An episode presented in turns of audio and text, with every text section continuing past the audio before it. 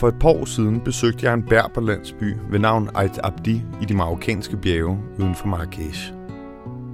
Landsbyen, der lå helt afsondret i en frodig dal, var med sine 300 indbyggere, spartanske lærerhuse, selvforsynende landbrug og stort set ikke eksisterende elektricitet, antitesen til det moderne vestlige liv med en overdåd af takeaway, smartphones og digitale streaming-abonnementer. Særligt interesseret blev jeg dog i landsbyens overhoveder, ægteparet Jemna og Ibrahim på nu henholdsvis 96 og 106 år. Jeg var fascineret af deres friskhed, den respekt, de tydeligvis havde i lokalsamfundet, og den visdom, der unægteligt må følge med et så langt liv. Derfor er jeg taget tilbage, og den her gang med en mikrofon i hånden, for at søge visdom hos de ældre. For hvordan bliver man så gammel? Hvad vil en 106-årig bærber råde en ung dansker til? Forsvinder frygten for døden med alderen, og findes lykken i det simple liv? Jeg hedder Sigurd Hartkorn Pletner, og du lytter til Det Ekstraordinære, som er blevet til i samarbejde med Projects by Mercedes-Benz. Velkommen til.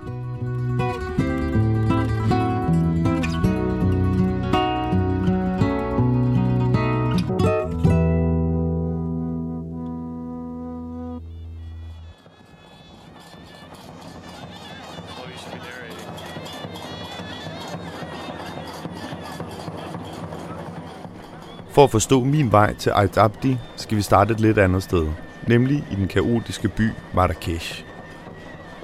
Slangetæmmer, duftende aromatiske olier, stinkende lædergaverier, blinde skobusser, overivrige tjenere, galopperende æsler og halsmadede motorcykler, der drøner slingerne igennem byens smalle gader. I hjertet af det her organiserede kaos, et par gyder tilbagetrukket, ligger en smukt renoveret riad i tre etager ved navn Riad of the Storks. Den har sit navn, fordi man fra tagterrassen kan sidde dagen lang og kigge på de mange storke, der står på den bestandte mur, som omringer El Badi-paladset, der med sine ruiner rummer en stor appelsinlund fra 1500-tallet. Og det er den evige buffet af frøer i den fugtige jord under appelsintræerne, der gør, at storkene holder til på netop den her mur. Riad of the Storks er ejet af min ven Kasper, men den daglige bestyrer af riaden hedder Omar, og Omar er opvokset i Ait Abdi som søn af Ibrahim og Jemena, det gamle ægtepar, jeg fortalte om lige før. My name is uh, Atabi Omar, born in the reality in 15 October 1966. Omar er et moderne menneske, der på alle måder står i stærk kontrast til sine traditionelle forældre og sin spartanske fødelandsby, han taler fem forskellige sprog, har rejst i hele verden, er altid på to telefoner i gangen, går kun i nystrøede skjorter, holder af tobak, og så er han Muslim light, som han siger. Det betyder, at han ikke står i vejen for et lille glas vin. Eller to. Hver morgen klokken 6 tager Omar sin datter Leila med hen til forskellige paladser i Marrakesh, hvor han betaler vagterne en lille skilling for at blive smuglet ind og kunne gå en smuk morgentur, før stederne åbner for offentligheden. Hver eftermiddag stiller han sig op på riattens tag og fløjter et bestemt fløjt, som altid bliver besvaret med andre fløjt. Det er en særlig hilsen, som han og de andre riatbestyrere har med hinanden, og hver bestyrer har sit eget fløjt. Omar er et af de mennesker, der altid giver udtryk for, at livet er lidt hårdt.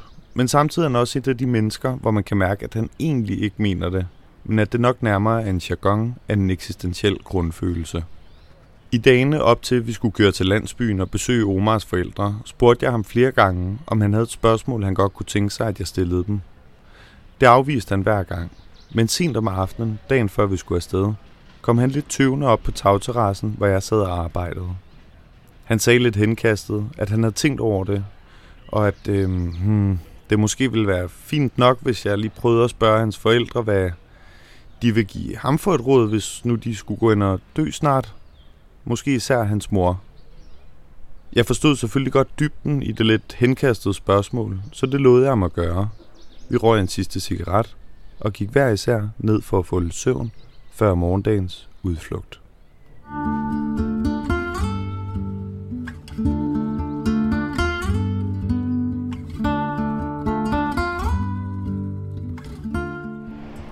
Vi er på vej op til landsbyen hos Omars forældre og har kørt i en små to timer og har gjort et lille hold nu, hvor vi står ved siden af en, en stor vanddæmning, der løber ned og bliver til en flod, som bugter sig imellem eukalyptustræer og oliventræer. Og landskabet er meget, meget smukt. Det er enormt goldt på den ene side, og enormt, enormt frodigt nede ved flodlejet. Øhm, som en del af et regeringsstøtte program har man givet en masse oliventræer til lokale, så I kan starte en forretning.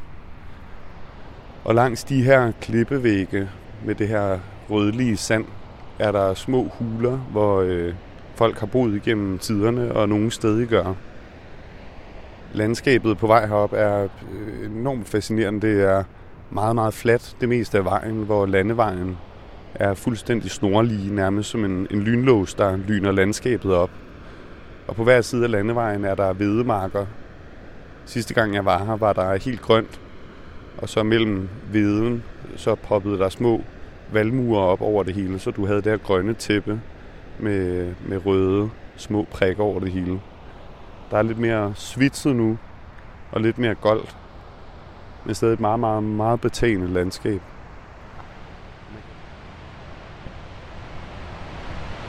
kører nu på den lille, meget bumlede og ret lange vej, der fører hen til landsbyen, som er en, øh, en sand jordvej, kan man måske kalde den, rød jord, øh, sandet jord og omgivet af mandeltræer og oliventræer på begge sider.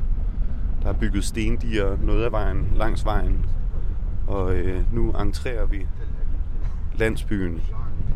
Og nu er vi inde i, øh, i centrum, i midtbyen, kan man måske sige, som består af af fire af de her lær- og stenhuse, og vi er nu her med fremme.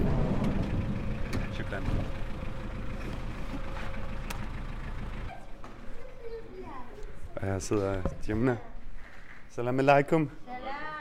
Lala Jemna. Salam alaikum. Salam alaikum. Shukran. Shukran.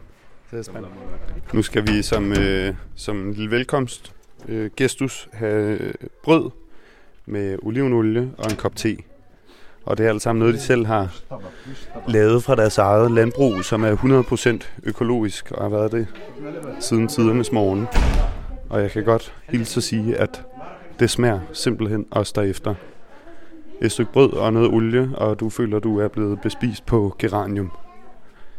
Og især med den her udsigt, hvor jeg står og kigger ud over, hvad skal man kalde det, et landskab, der er frodigt med mandeltræer og oliventræer, og små bakketoppe, og røde jordskrænter, og små enklaver af huse, de her old, old gamle huse, der er bygget af sten og ler.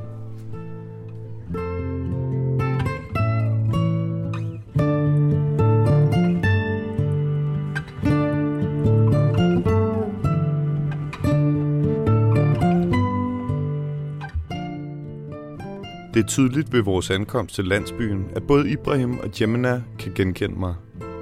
Men hvor Jemina virker lige så frisk, som da jeg var for et par år siden, er Ibrahim meget afkræftet, siger ikke rigtig noget, og ligger det meste af tiden ned i sin marokkanske glædedragt på en lille udendørs bænk med en tynd hønne.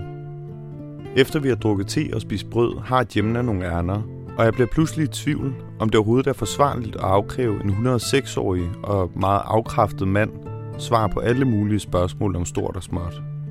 Jeg bliver nervøs for, om han overhovedet vil være i stand til at svare med blot indestavelser. Men Omar insisterer på, at alt er fint, så jeg sætter mig erbødigt over for Ibrahim og tænder mikrofonen. Jeg siger nogle høflighedsfraser og spørger forsigtigt, om jeg må stille ham nogle få spørgsmål om livet.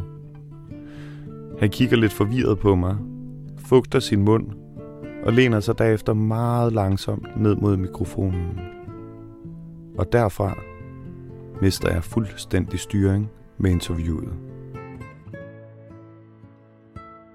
شكرا شكرا شكرا مرحبا بك مرحبا بك 66 مرحبا مرحبا شكرا بزاف بزاف بزاف فرح بزاف كتير 66 مرحبا الفرح كتير هذا من اللي مشيتي وجيتي عندنا مرحبا تهدر معايا ابراهيم بن عمر الكنوة عتاب Ja, ja. I, under, I understood that. Um, Khalid Ibrahim, um, what what يا عمر what uh, what قول غير ابراهيم ابراهيم غير ابراهيم تكفي فرحة Ibrahim فرحة kører كبيرة. derudad, og Omar kan hverken nå at oversætte eller pause sin far, selvom han prøver meget ihærdigt. Samtalen kommer først nogenlunde tilbage på sporet efter et kvarters tid, da Ibrahim har fået talt lidt af, og Omar igen kan få hul igennem. Ja.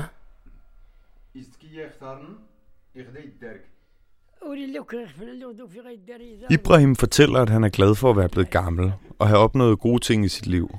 Han har fået en dejlig familie, et godt hus og har både nået at se et fly, et tog og en bil i virkeligheden. Han er splittet omkring elektriciteten, for på den ene side er han glad for sit nye fjernsyn, som han hver morgen tænder, for lige at forsikre sig om, at kongen er ved godt helbred.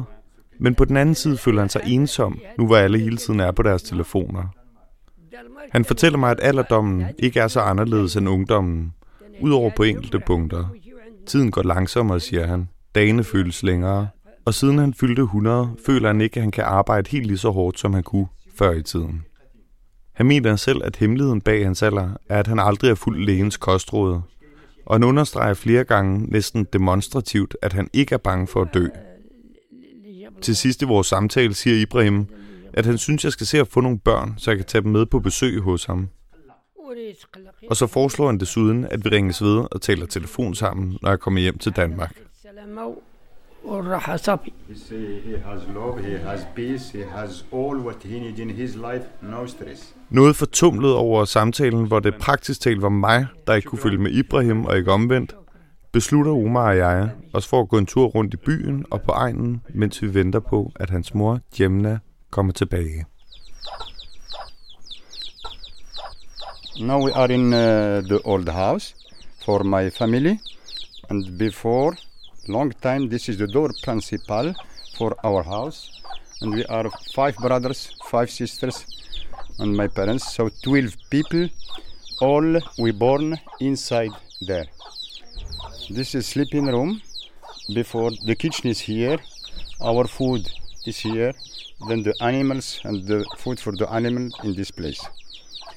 Then when I have seven years, we move from here, we go to the other room in the top. And I remember when it's really cold, at that time we are very, very, very poor. When it's really cold, I sleep close to the animals because it's a little bit warm. Jeg forklarer lige, at øh, det vi står og kigger ind i er et øh, lille stenhus, øh, hvor der lige nu befinder sig tre høns, øh, der er små kyllinger, og øh, 8 til 9 får, og så er der heller ikke plads til mere. Og herinde øh, er der helt mørkt, der er ingen vinduer, der er ingen, ingenting, og det er herinde Omar, han er født og opvokset. Og der hænger et øh, reb fra dørkammen, eller sådan en, en lille overbygning, der hænger et reb, og det er der Omars mor plejer at føde ved at stå og holde fast i det reb og føde på gulvet. Og det er også her, Omar er født, og på den måde.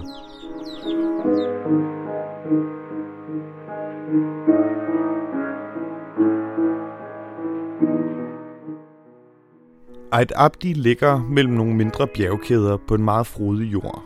Landsbyen består af tre små husenklaver og en lang række marker. Husene, der er bygget af sten og ler, er røde, og kun få af dem har for ganske nylig fået elektricitet.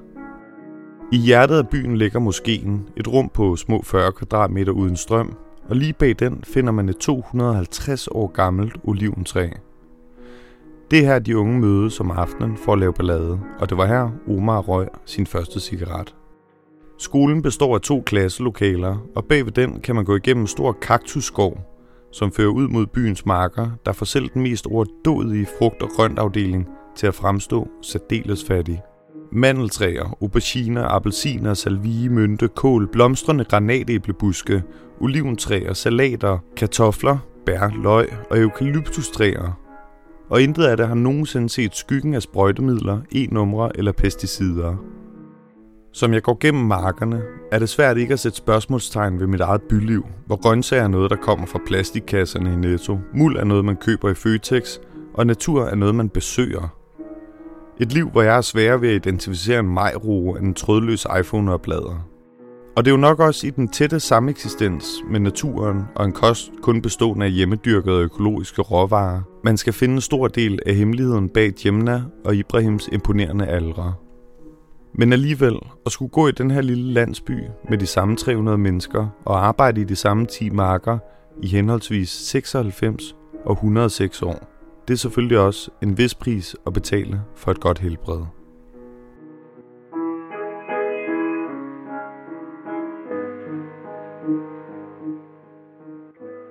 زون جا زعما اللي غنتهل ن- نزري الدونيت اللسان قن الشا Samtalen med Jemna foregår i et afsides rum med et lille bitte vindue og en akustik som en katedral, hvilket underbygger min følelse af at være i audiens.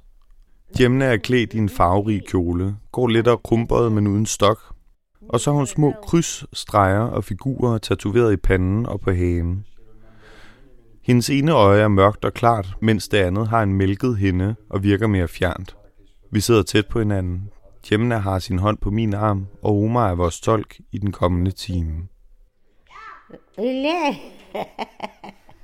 واخا كشمل ايوا تا ذاك شو خيريش الدجاج وذاك الدار تاع برا وتنعل Jemna fortæller mig, at hende og Ibrahim kom fra to rivaliserende landsbyer på hver deres side af floden, og at deres ægteskab derfor var et forsøg på forsoning, et forsøg, der skulle vise sig at være meget effektivt.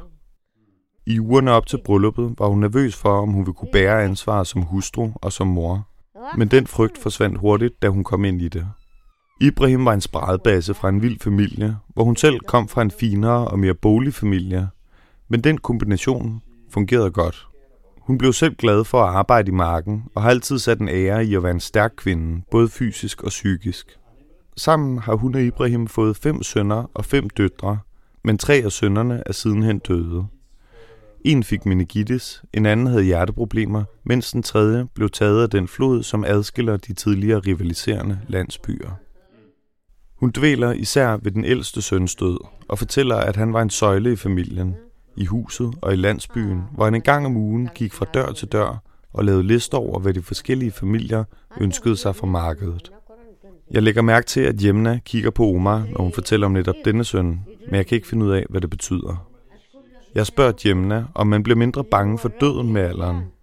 Hun siger, at man som ung skal være bange for at dø, men at den frygt også skal svinde ind med tiden.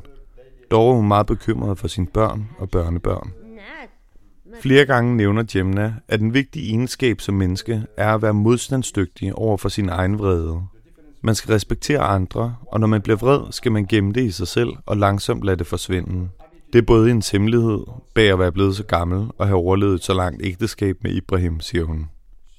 Jeg spørger, hvad hendes absolute yndlingsbeskæftigelse er, hvortil hun prompte svarer, at det er at lave couscous, griner og tilføjer, at man må tage lidt let på livet, for ellers bliver man stresset, og så bliver man i hvert fald ikke særlig gammel. Selvom Jemna er 96 år gammel, er hun både helt klar i hovedet og stadig enormt aktiv. Hver dag står hun op før solen, ser til hønsene, fodrer kvædet, tager sig af børnebørnene, laver mad og går først i seng, når solen er der er gået ned. Det er en smal sag, når man har født og opdraget 10 børn, som hun siger. Jeg spørger Jemna, hvilket råd hun vil give til unge kvinder generelt. Og hun svarer, pas godt på din mand, pas godt på dine børn, og pas godt på dine ære. Men pas først og fremmest godt på dig selv, og det gør du ved at være stærk. والكسكسو والعجين والدواز خلي خلي لك كاين كاين الحصاد لا كاين الحصاد ذاك البلاصه Det har været en lang og indtryksfuld dag, og da jeg synes, at Jemna og jeg er ved at være godt igennem vores samtale, kigger Omar på mig med løftet øjenbryn og minder mig dermed om det aller sidste spørgsmål. Lala Jamna, um, I would like for you to translate it the way you think it should be. Um, when you will die, before you die, if you could give Omar one advice, what would it be? مثلا الاعمار بيد الله قبل تمت مثلا فهمتني يغلط وسط عمر كان الحاج مارستيني هذا راح سيتمس يستماس ديتماس أفرط الصاغ جورا ونقماس جوراون استمغارتن ليلى جميمة ايوا صافي What she say from the beginning is uh, the advice is the peace and love. and to take care for all the family, brothers and sisters, especially Muhammad and Fatima also as uh, kids for my older brother who died. مينا Yeah, Mina. تا مينا حتى هي Also for Mina, also take care about uh, my own family, especially Leila. Hmm. Yeah. Omar er meget bevæget og har tårer i øjnene, da vi er færdige med at tale med Jemna. på vej hjem i bilen fortæller han mig, at hun aldrig før har været så direkte omkring, at hendes tid snart er forbi. Han fortæller også, at Ibrahim trak ham til side lige før vi kørte, og sagde, at Omar skulle komme tilbage en gang om ugen fra nu af, fordi Ibrahim kunne mærke, at han var ved at dø. Resten af køreturen sidder vi i tavshed, mens vi kilometer for kilometer forsvinder fra den lille tidslomme i de marokkanske bjerge uden sprøjtemidler, stress og wifi. Elmasterne begynder at rejse sig i landskabet, æslerne bliver erstattet af lastbiler. Grusvejene bliver til asfalt. Marrakesh rejser sig som en elektrisk kugle i smokken. Notifikationerne begynder at plinge på telefonerne, og markerne bliver erstattet af pizzeriaer.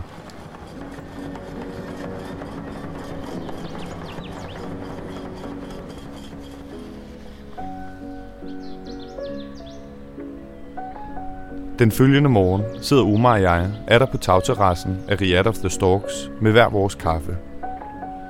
Ingen af os ved helt, hvad vi skal sige, før Omar stiller sig hen til muren, der vender over mod storkerne ved paladset, tager en dyb vejrtrækning og ganske præcist siger, alting har vel sin tid.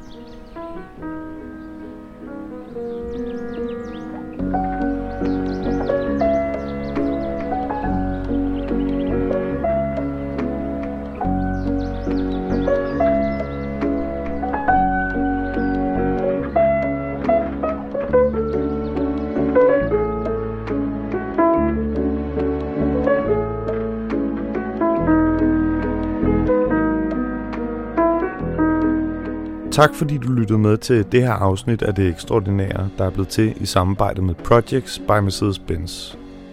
Musikken var komponeret af Mads Kok. I redaktionen sad Emil Vilk, Signe Christiani og Thomas Borger. Idé til rettelæggelse, optagelse og klip var af mig, og jeg hedder Sigurd Hardkorn Pletner. På hjemmesiden detekstraordinære.dk kan man se billeder fra de forskellige afsnit og læse lidt mere om programrækken. På genhør snarest.